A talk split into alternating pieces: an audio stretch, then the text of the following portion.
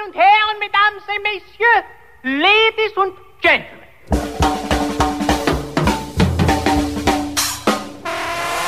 Izobraževalno-glasbeni variate. Zofijini ljubimci.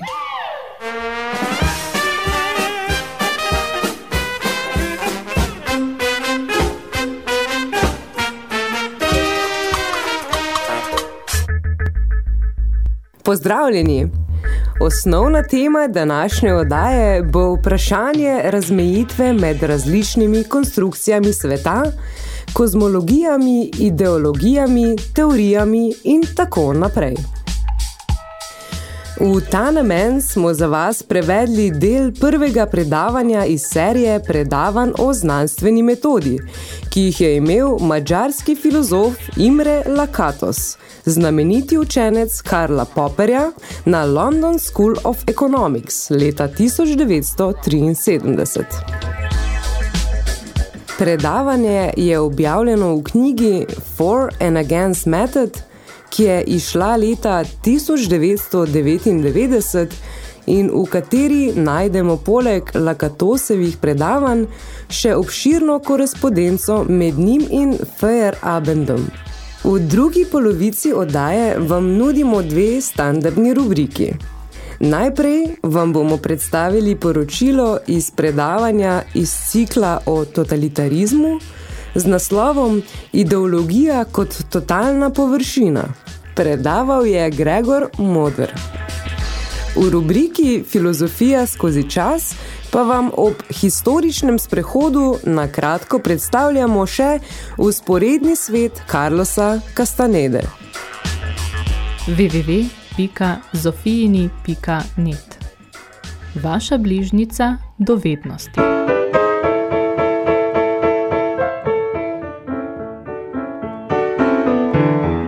I move you? Is it thrilling? Do I groove you? Are you willing?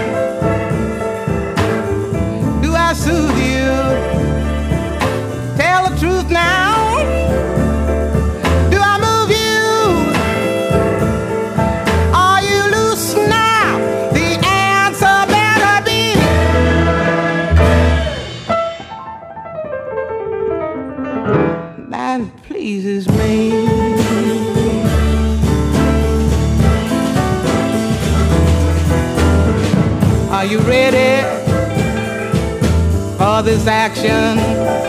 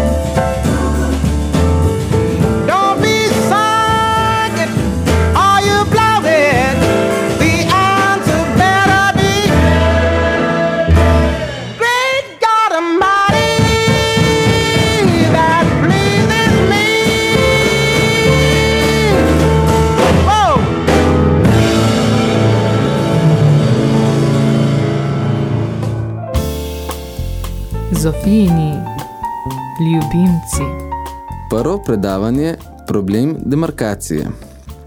Problem demarkacije je mogoče formulirati v naslednjih terminih. Kaj razločuje znanost od psevdoznanosti? To je ekstremni način formulacije, kajti splošnejši problem, imenovan splošni problem demarkacije, je v resnici problem ocene znanstvenih teorij in poskus odgovoriti na vprašanje, kdaj je ena teorija boljša od druge.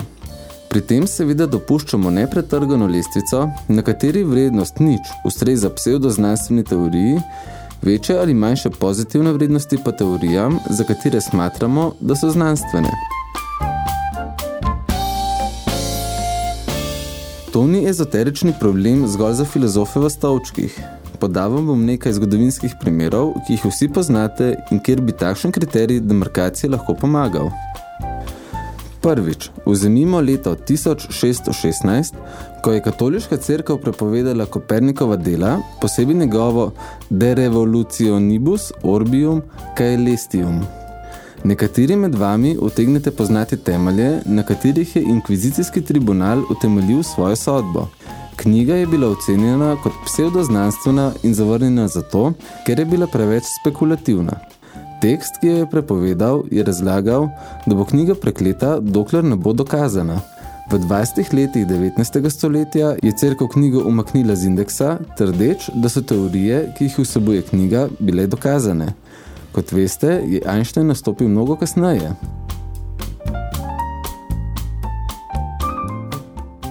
Ne omenim drugi primer, ki zadeva avtoriteto, podobno inkviziciji.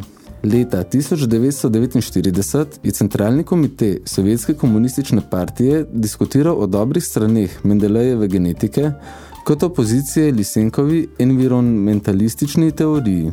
Odločili so, da je Lisenkova teorija boljša, vodilna avtoriteta rivalske šole Vavilov pa je bil umorjen v koncentracijskem taborišču. Ne izpostavim, da je Kopernikov glavni privrženec, Galileo, ki je v primerjavi s svojimi sodobniki živel v izjemnem obdobju, vse do današnjih dni užival slove strpečega heroja, če ravno to ni bil, medtem ko Vavilov, ki je to prav gotovo bil, takega slovesa ne uživa. Naslednja razlika med našima dvema primeroma je ta, da če ravno je cerkev knjigo prepovedala, ni prepovedala razprave, dočim je bila v Sovjetski zvezi prepovedana tudi razprava o Mendelejevih idejah. Naš tretji primer. Leta 1972 je Ameriška filozofska zveza razpravljala o naslednjem predlogu, ki ga je podal Hillary Putnam, profesor filozofije na Harvardski univerzi. Takole pravi. Citiram. Ameriška filozofska zveza bi morala podpreti Ameriško antropološko združenje, ki je obsodilo rasistične, seksistične in protidelovske teorije Richarda Herrensteina, Williama Shockleyja in Arthurja Jensena kot nevarne in neznanstvene. Tukaj ne gre za vprašanje umešavanja neznanstvenikov v znanstvene kontroverze in naša dožnost je, da opozorimo, da se ideologija, ki nima nobene specifične znanstvene odlike, poskuša preobleči v znanost.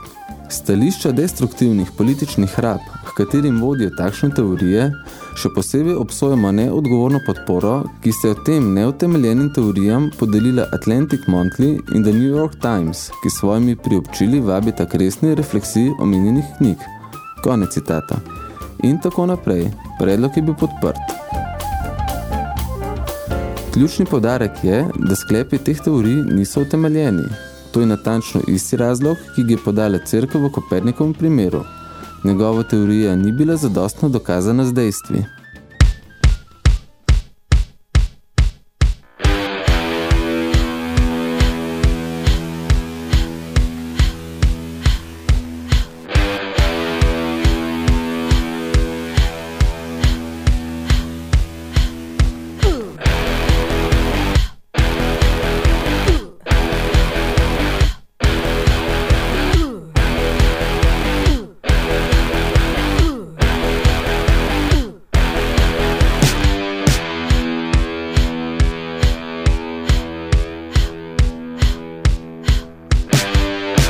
Them all by the balls, causing waterfalls, stone walls, bar brawls, climbing stalls at concert halls. To you they crawl, body sprawl, smoking palm malls, close calls, stand tall, doll, you make them feel so small. And they love it!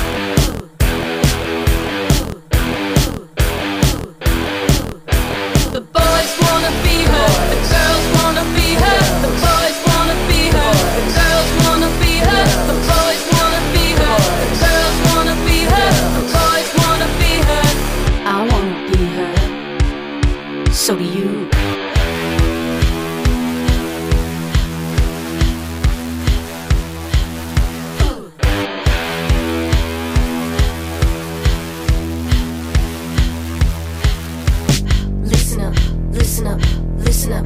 Voices scatter, listen up, listen up, listen up. Voices scatter, listen up, listen up, listen up. Voices scatter, listen up, listen up, listen up. Voices scatter, listen up, listen up, listen up. Voices scatter, listen up, listen up, listen up. Voices scatter, listen up, listen up, listen up.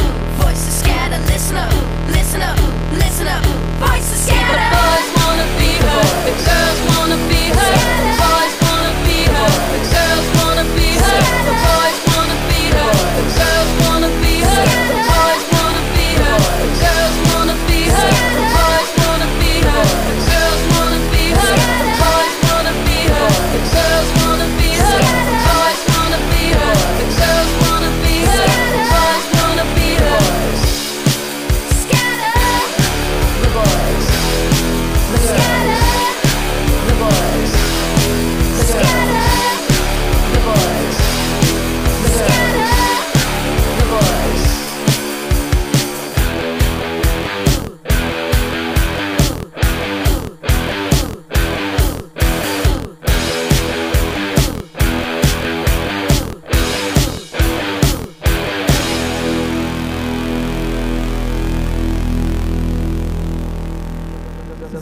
Zofijini ljubimci.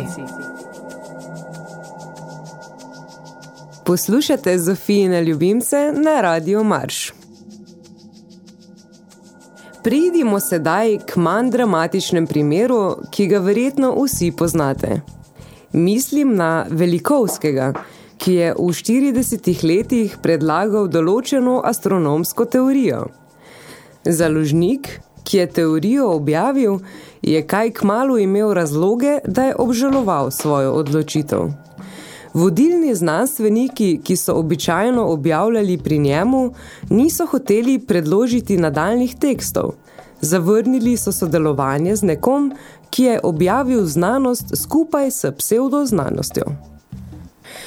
V knjigi Worlds in Collision Immanuel Velikovski podaja teorijo kozmične katastrofe, po kateri planeti v sončnem sistemu niso bili fiksirani na svojih orbitah. Zemlja je še posebej bila predmet impresivnih kataklizem, ki so jih povzročali gigantski kometi. En tak komet bi naj potoval zelo blizu mimo Zemlje v času izraelskega suženstva v Egiptu, kar je povzročilo razdelitev Rdečega morja. Zdi se, da teorija Velikovskega implicira, da bi ljudje, ki so živeli v času katerekoli podobne kataklizme, le to zabeležili, kar pa gotovo ne drži, saj veste, da mnogi ljudje, ki so živeli v časih, na katere se nanaša Biblija, niso sploh nič opazili.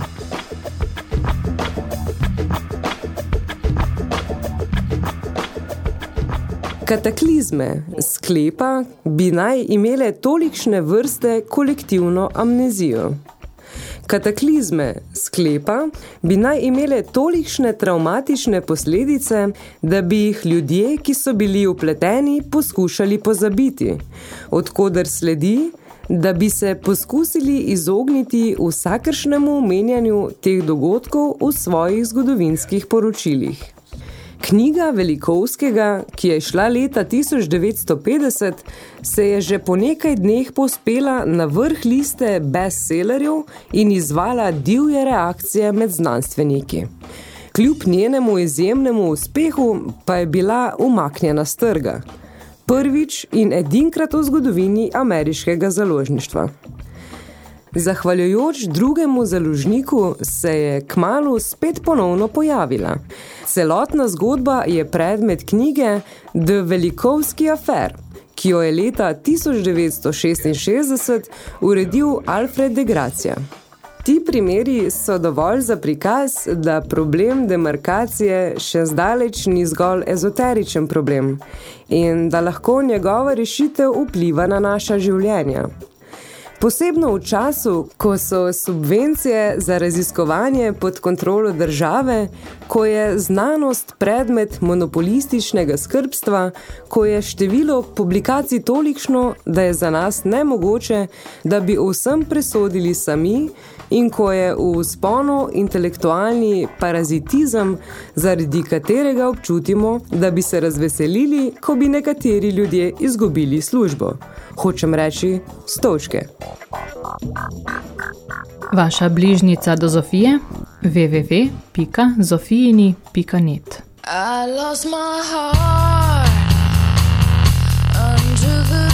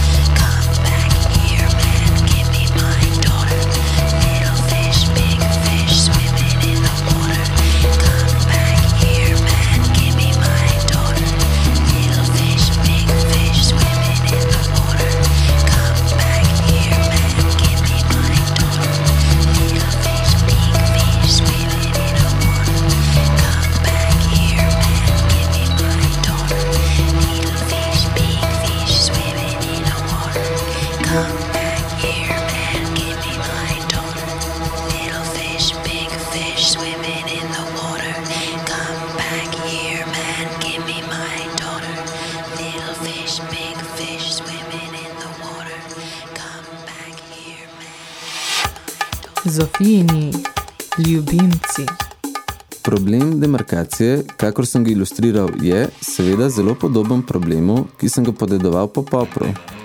Poprov filozofski sloves temelji na tako imenovani falsifikacijski rešitvi. Rad bi vam prebral nekaj Poprovih odlomkov, da boste uvideli, kaj je motilo njega in njegovo generacijo. Vrnimo se na Dunaj v 20 letih. Stavčke na katedrah za filozofijo v Avstriji so v prvi vrsti držali heglovski filozofi, v Nemčiji pa heidegerijanski. Dunaj je bil tedaj zelo živahno mesto. Gostilo je Dunajski krok logičnih pozitivistov, tam so živeli socialisti druge in tretje internacionale, pa tudi Sigmund Freud, Alfred Adler in Kurt Gödel, vodilni matematični logik v tistem času. Dunaj tedaj ni bil več provincialna predstraža na evropski meji, kakor je danes, temveč ena izmed evropskih intelektualnih prestolnic. Prav tedaj ne bi naleteli tudi na Karla Popperja in Ludvika Wittgensteina, ki so v 20 letih na Dunaju učile. Pravzaprav Popper nekaj let niti ni mogel dobiti dela kot učitelj, tako da je postal mizar za pohištvo, kar je brez dvoma razlog, zakaj je bil zainteresiran za problem demarkacije v smislu nekakšnega posebnega stroja, v katerega posameznik podaja, na primer, nekaj inauguracijskih predavanj modnih filozofov, stroj pa izbruhne pomembno ali nepomembno in vkolikor je odgovor slednje, tedaj lahko tako stolčo kot tisti, ki ga drži, letita v plemene. Če smo natančni, je to izvirna ideja Leibnica. V 17. stoletju je hotel skonstruirati stroj, ki bi sporočil besedo napačno, če bi vam podali kaj zmotnega.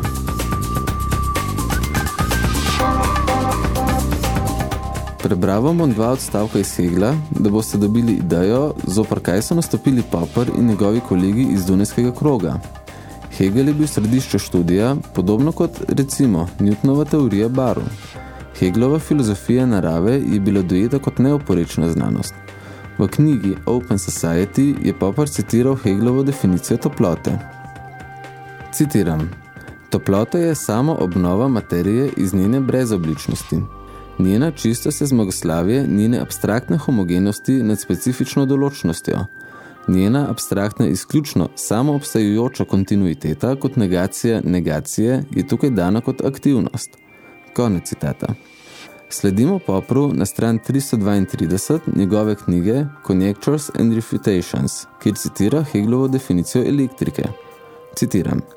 Elektrika je namen forme, iz katere emancipira samo sebe, je forma, ki je ravno na tem, da bo premagala svojo lastno brezbližnost, kajti elektrika je neposredno prikazovanje ali aktualnost pravkar prikazanega iz neposredne bližine forme.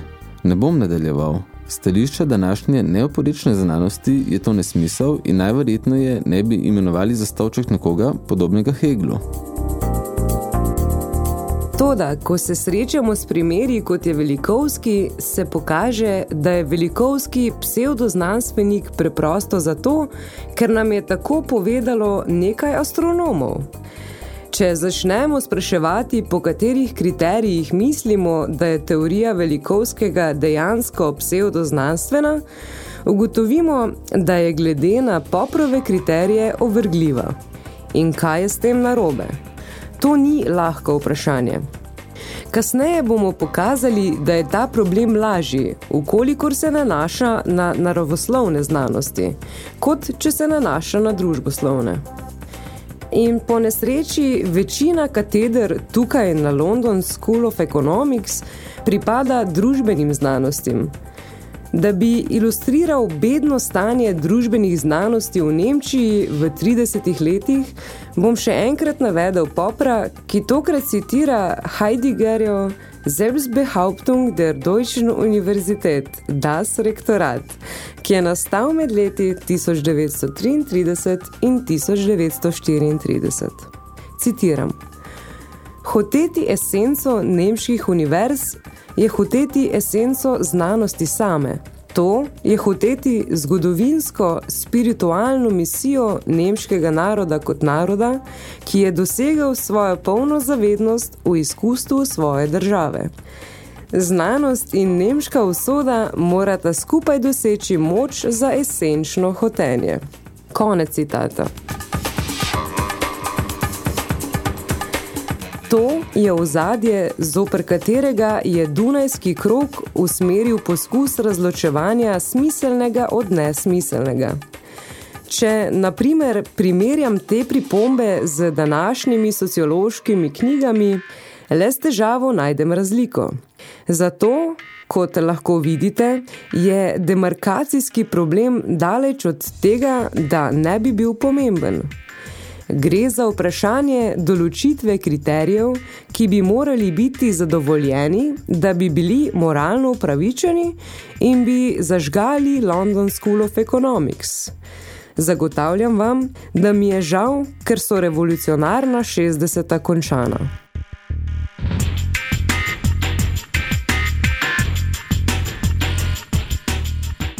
Nadaljevanje in zaključek prvega predavanja iz serije Predavano znanstveni metodi, ki jih je imel Imre Lakatos na London School of Economics leta 1973, boste lahko slišali v naši naslednji oddaji.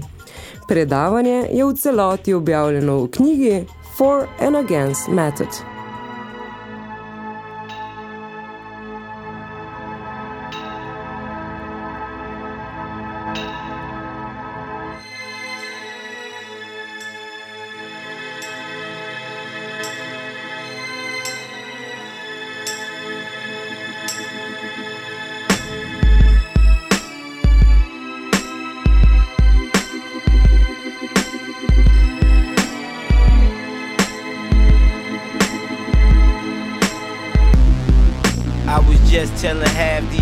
Is over.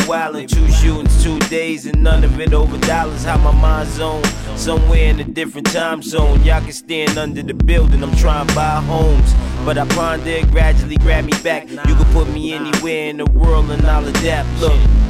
I'm tired of flying the label reps like my niggas all ready to eat the table set. I'm tired of corner standing, piffing the same exit. Keep it real, I want hills, my ninja, change settings. I want a backyard where Poopy could play. I don't care if it costs my life, nigga, shoot me today. Remember going to the store, mama told me to keep the change. I wanna jump in something new, tell my mama to keep the range. My man got shot, I had to pedal him home. He couldn't take the pain and caught a heroin Jones. This is it, I want out. I want out, man. This usually part of the movie where the pistol come out. Like I said, I need change. I need a whole lot of this money and a little bit of fame. It's like the ghetto telltale. I'm tired of camouflage in the corner, let me get the next sale. I'm really trying to prosper for good, good rap. And before I leave out the hood, I take a good look back. They say, what don't kill you, kid, only make you strong. The wrong mistake and half that ass doing the quarter. Heavenly Father, I'm looking into the heavens. My girl think I'm going crazy. This nigga going seven. These days, you know the hammer under the pillow. Got a mansion love in the ghetto and trapped in the middle. So niggas lay flat like soda without the fizzle. Uh. When it rained, it poured. Be lucky it only drizzle. Took my homie under my umbrella, I took him in. He bit me, turned around and told me that's how a snake win. The world we living in, can't trust a homie. Far as I can shoot a nigga, leave me this shit lonely, homie. Don't speak my name if you don't know me. Most important, you blabbing the bitches, that shit is corny. Out your rabbit ass mind trying to run up on me. Don't make me have to shoot you with the 40. Word. This is it, I want out. I want out, man. This usually part of the movie where the pistol come out. Like I said, I need change.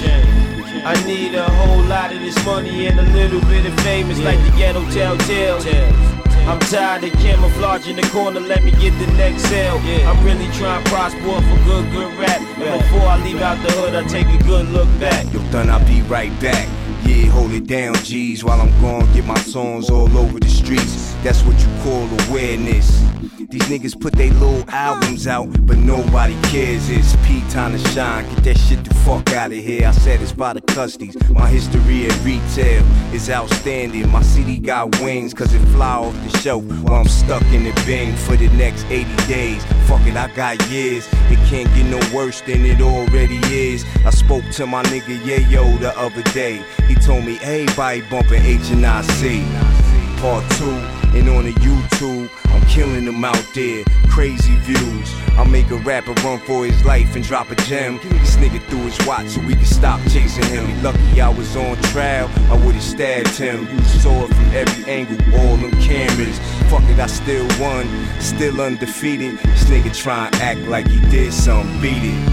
You're not a gangster, it's been proven. Nah, just a snitch like Frank Lucas. You's a false prophet.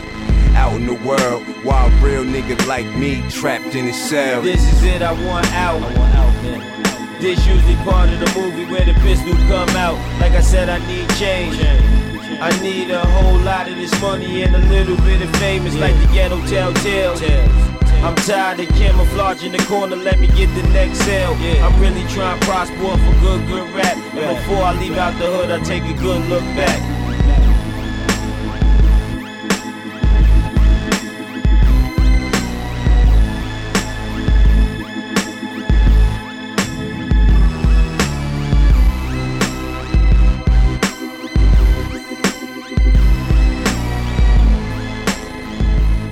Sledi poročilo iz predavanja, ki je potekalo v sklopu ciklusa o totalitarizmu Delovsko-Pankerske univerze.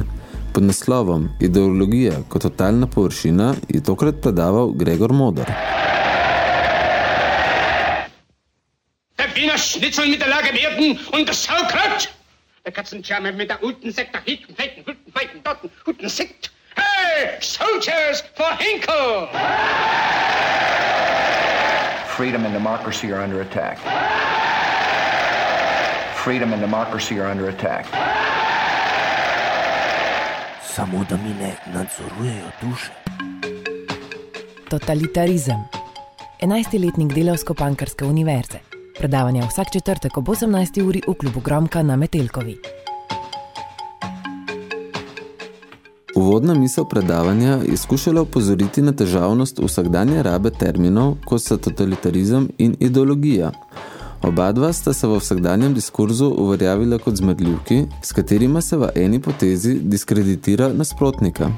Tako je vsako delovanje, ki na kakršen koli način ogroža neutralni status quo, lahko označeno kot totalitarna težnja ali kot posledica ideološke indoktriniranosti. Domneva, ki pri tem ostane onstran dvoma, je ne le, da je neutralnost sploh mogoča, ampak da je celo zaželjena. Zdi se, da je ideal postala čista, brezinteresna strokovna neutralnost. Če se hoče resno premisliti koncept ideologije in totalitarizma, je po predavateljevem prepričanju treba najprej zavrniti njuno vulgarno rabo in ima povrniti teoretski okvir. Bolj kot se pozdiguje ideal neutralnosti in normalnosti, bolj je nujno opozoriti na nekatere ključne teze iz teorije ideologije, se se hitro pokaže, da je ravno neutralni status quo tisto področje, kjer ideologija sploh lahko deluje totalitarno, še več, da je ravno neutralno, spontano, samodejno, normalno bivanje tisto, kar določa eksistenco ideologije kot take. Cilj predavanja je zato bil ponovna tematizacija in osvetlitev nekaterih odločilnih tez Altizerjeve teorije ideologije, modrova filozofska stava pa je slonila na tem, da se nekaterim problematičnim mestom in nedoslednostim te teorije moč izogniti s tem, da jih beremo na vezavi na Spinozovo filozofijo.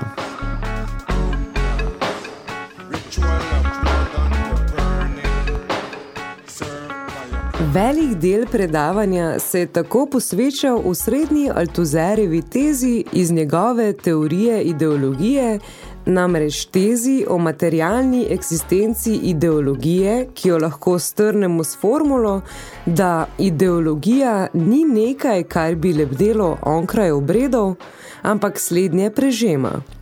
Ideologija je v celoti utkana v površino svojih materialnih obredov.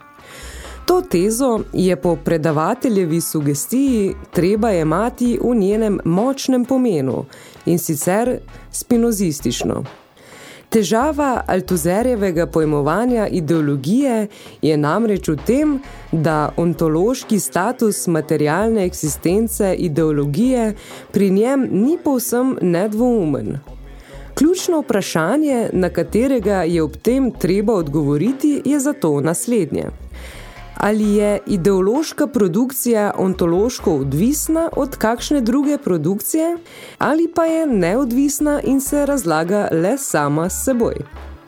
Če ravno se zdi, da je sam Altuzer v določenih odlomkih ideologijo mislil v njeni ontološko vzročni odvisnosti od ekonomske produkcije, pa je predavatelj ustrajal v težnji, da je treba ideološko produkcijo misliti le s samo seboj, neodvisno od kakršnih koli drugih temeljev, ki naj bi delovali v zadju.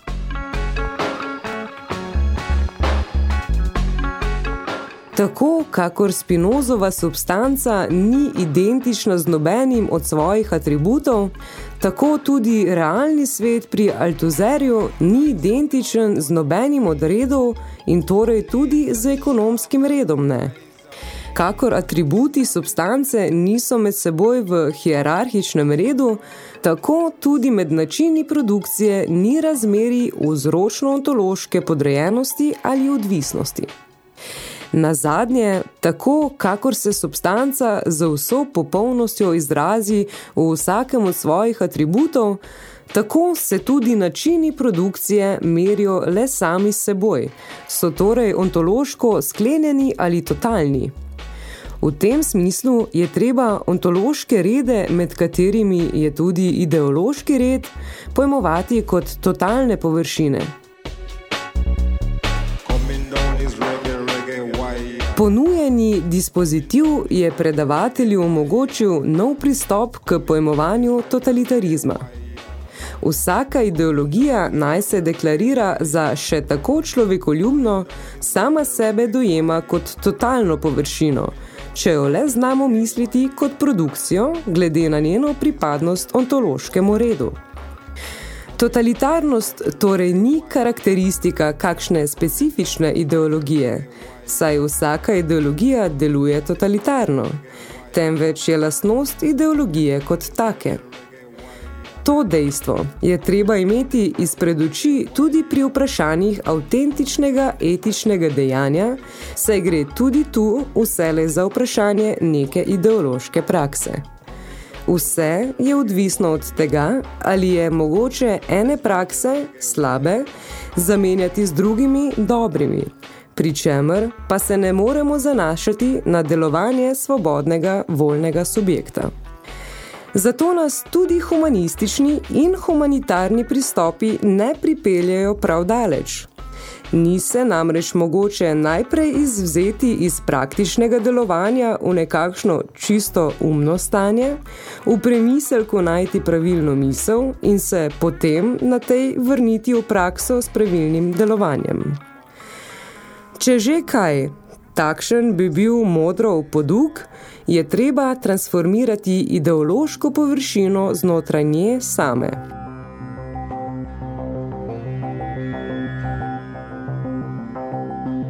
Poročilo so pripravili sodelavci DPU-ja, obiščete pa jih lahko na spletni strani http dvopiče poševnica poševnica dpu.mirovni minus institut.si. Posnetke predavanj, ki potekajo v sklopu Delovsko-Pankerske univerze, lahko poslušate, kot že veste, v sklopu vdaje Ah Teorija, ki poteka na Radio Marš vsak torek okoli 23. Vabljeni. Čuj, Zofija, kaj ste tak sama? Ja pa če ne vem, kje so moji ljubimci.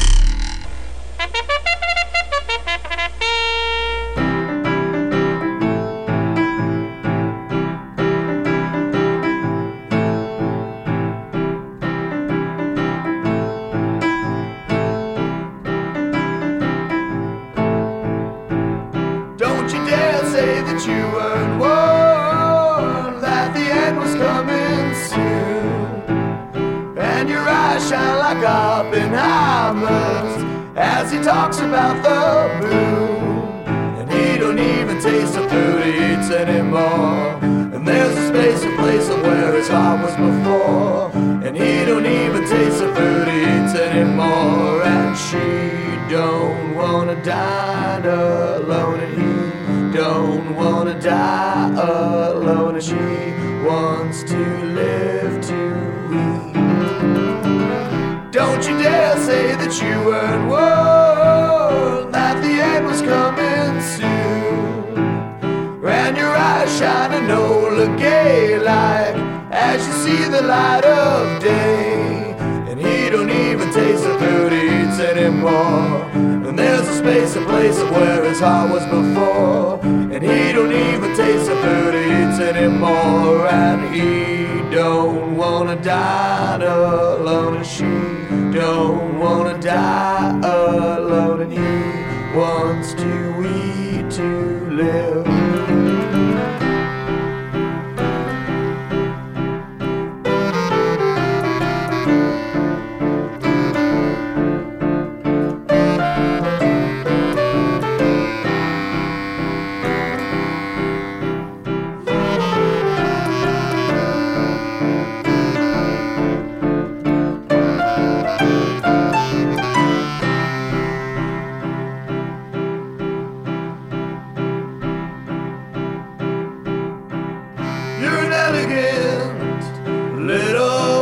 Pelican, and all your sorrows are stacked amongst your nest of friends.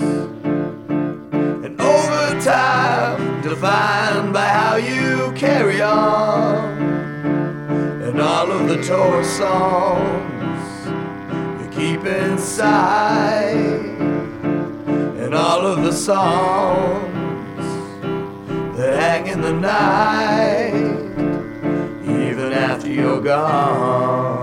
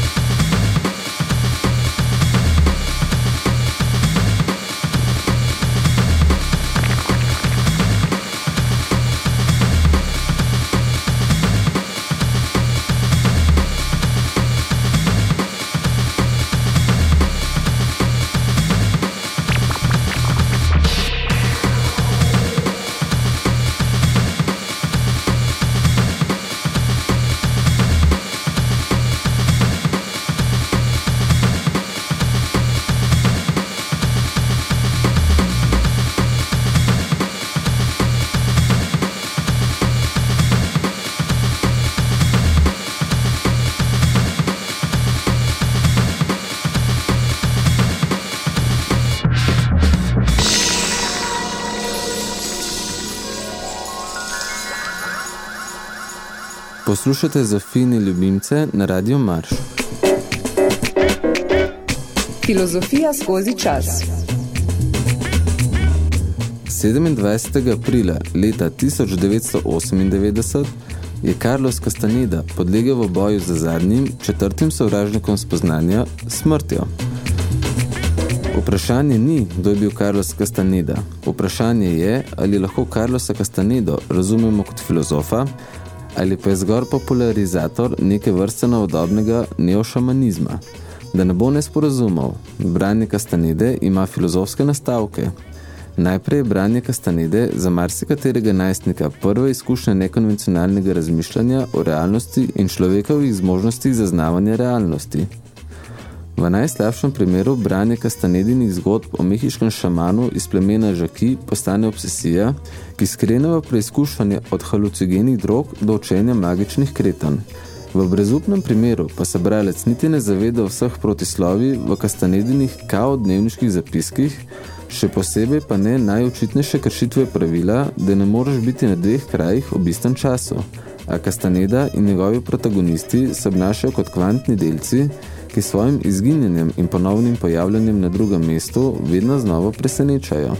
Po Castanedi ali bolje, njegovem mentorskem šamanu Don Juanu, zares pravega čarovnika svet vsakdanjega izkustva ni stvarni svet, niti ni tam zunaj, kot to verjamemo.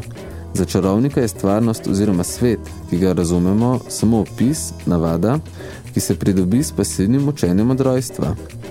Pravi čarovnik mora iz svojega tonala izbrisati dogmatsko gotovost vsakdanjih priučenih zaznav in spoznan o svetu in se radikalno izpostaviti na gualu, tistemu neznanemu, a še vedno spoznavno dostopnemu, ki pa je vsakdanjim nivojem spoznanja odmaknjeno. Bližnica v radikalni ukinitvi vsakdanjega rutiniziranega zaznavanja znanosti pa je uporaba halucigenih drog. Zato lahko vsemu na vkljub smatramo Castanedo v izjemnih primerih kot dostopno točko v resno ukvarjanje s filozofijo, ki je potrebno hitro preseči, vseeno pa imeti stalno pri sebi, da se vsaj približno zavedamo meje med filozofijo in New Age eklekticizmom.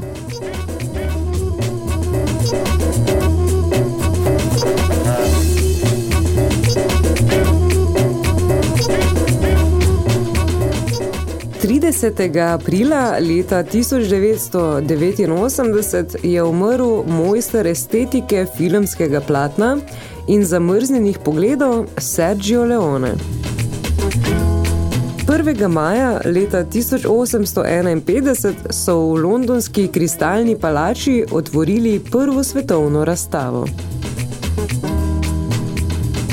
Leta 1889 so na prvem kongresu druge internacionale sprejeli sklep, da se od leta 1890 1. maj praznuje kot mednarodni praznik dela v spomin na žrtve demonstracij v Chicagu leta 1886, v katerih so se udeleženci potegovali za 8-urni delovnik. 2. maja obeležuje krščanska cerkev spomin na škofa in cerkvenega učitelja iz 4. stoletja, svetega Atanazija. Leta 1519 je v francoskem Kloksu umrl italijanski renesančni arhitekt, izumitelj, inženir, kipar in slikar Leonardo da Vinci. 3. maja se obeležuje Svetovni dan svobode tiska. Leta 1469 na ta dan je bil rojen italijanski politik, pisatelj in humanist Niccolo Machiavelli. In prav tako 3. maja a leta 1975 je umrl slovenski filozof France Weber. 4. maja leta 1852 je bila rojena Alice Pleasance Liddell, angležina, ki je bila navdih za pravljico z imenom Alica v čudežni deželi. 5. maja leta 1813 je bil rojen danski filozof Soren Kierkegaard, nasprotnik nemškega idealizma, intelektualizma in racionalističnega cerkvenega krščanstva ter predhodnik sodobnega eksistencializma. Leta 1818 je bil rojen Karl Marx. In leta 1833 je bil rojen nemški jezikoslovec August Fick, ki je izdelal prvo izčrpno študijo besednjaka indoevropskih jezikov. 6. maja se je leta 1033 ali pa leto kasneje v Alpski dolini Aoste rodil Anselm iz Canterburyja. Na isti dan, vendar leta 1758, je bil rojen eden najpomembnejših voditeljev francoske revolucije, François Isidore de Robespierre. Leta 1856 pa je bil rojen Sigmund Freud. In 6. maja 1968 si bomo zapomnili po študentskih demonstracijah v Parizu, ki so prerasle v poulične boje s policijo. Študentje so pripravili barikade, za pet tednov pa so zauzeli Sorbono. Osnovna zahteva je bila reforma študija.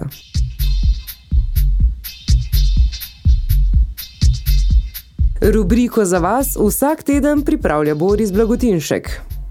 Obiščite ga na filozofskem forumu trikratvojnive.mislec.net Zofijini ljubimci.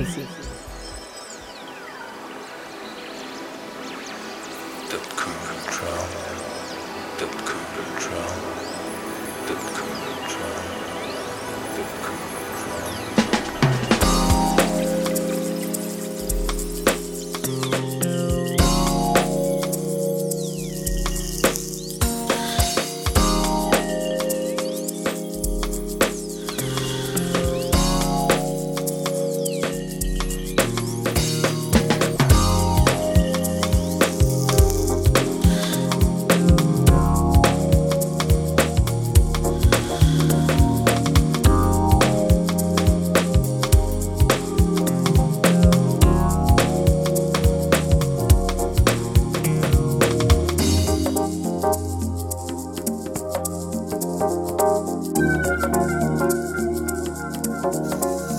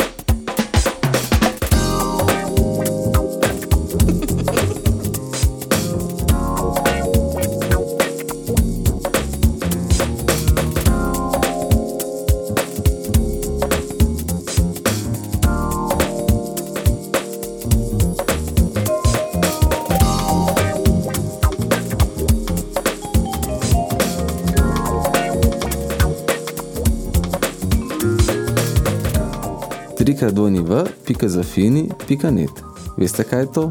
Naša internetna stran.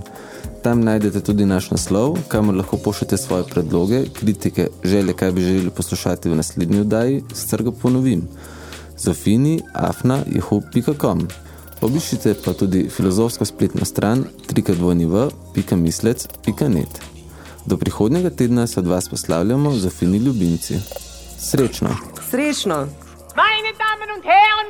Et Messieurs, Ladies und Gentlemen.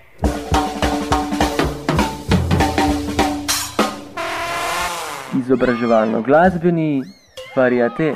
Zofijini ljubimci.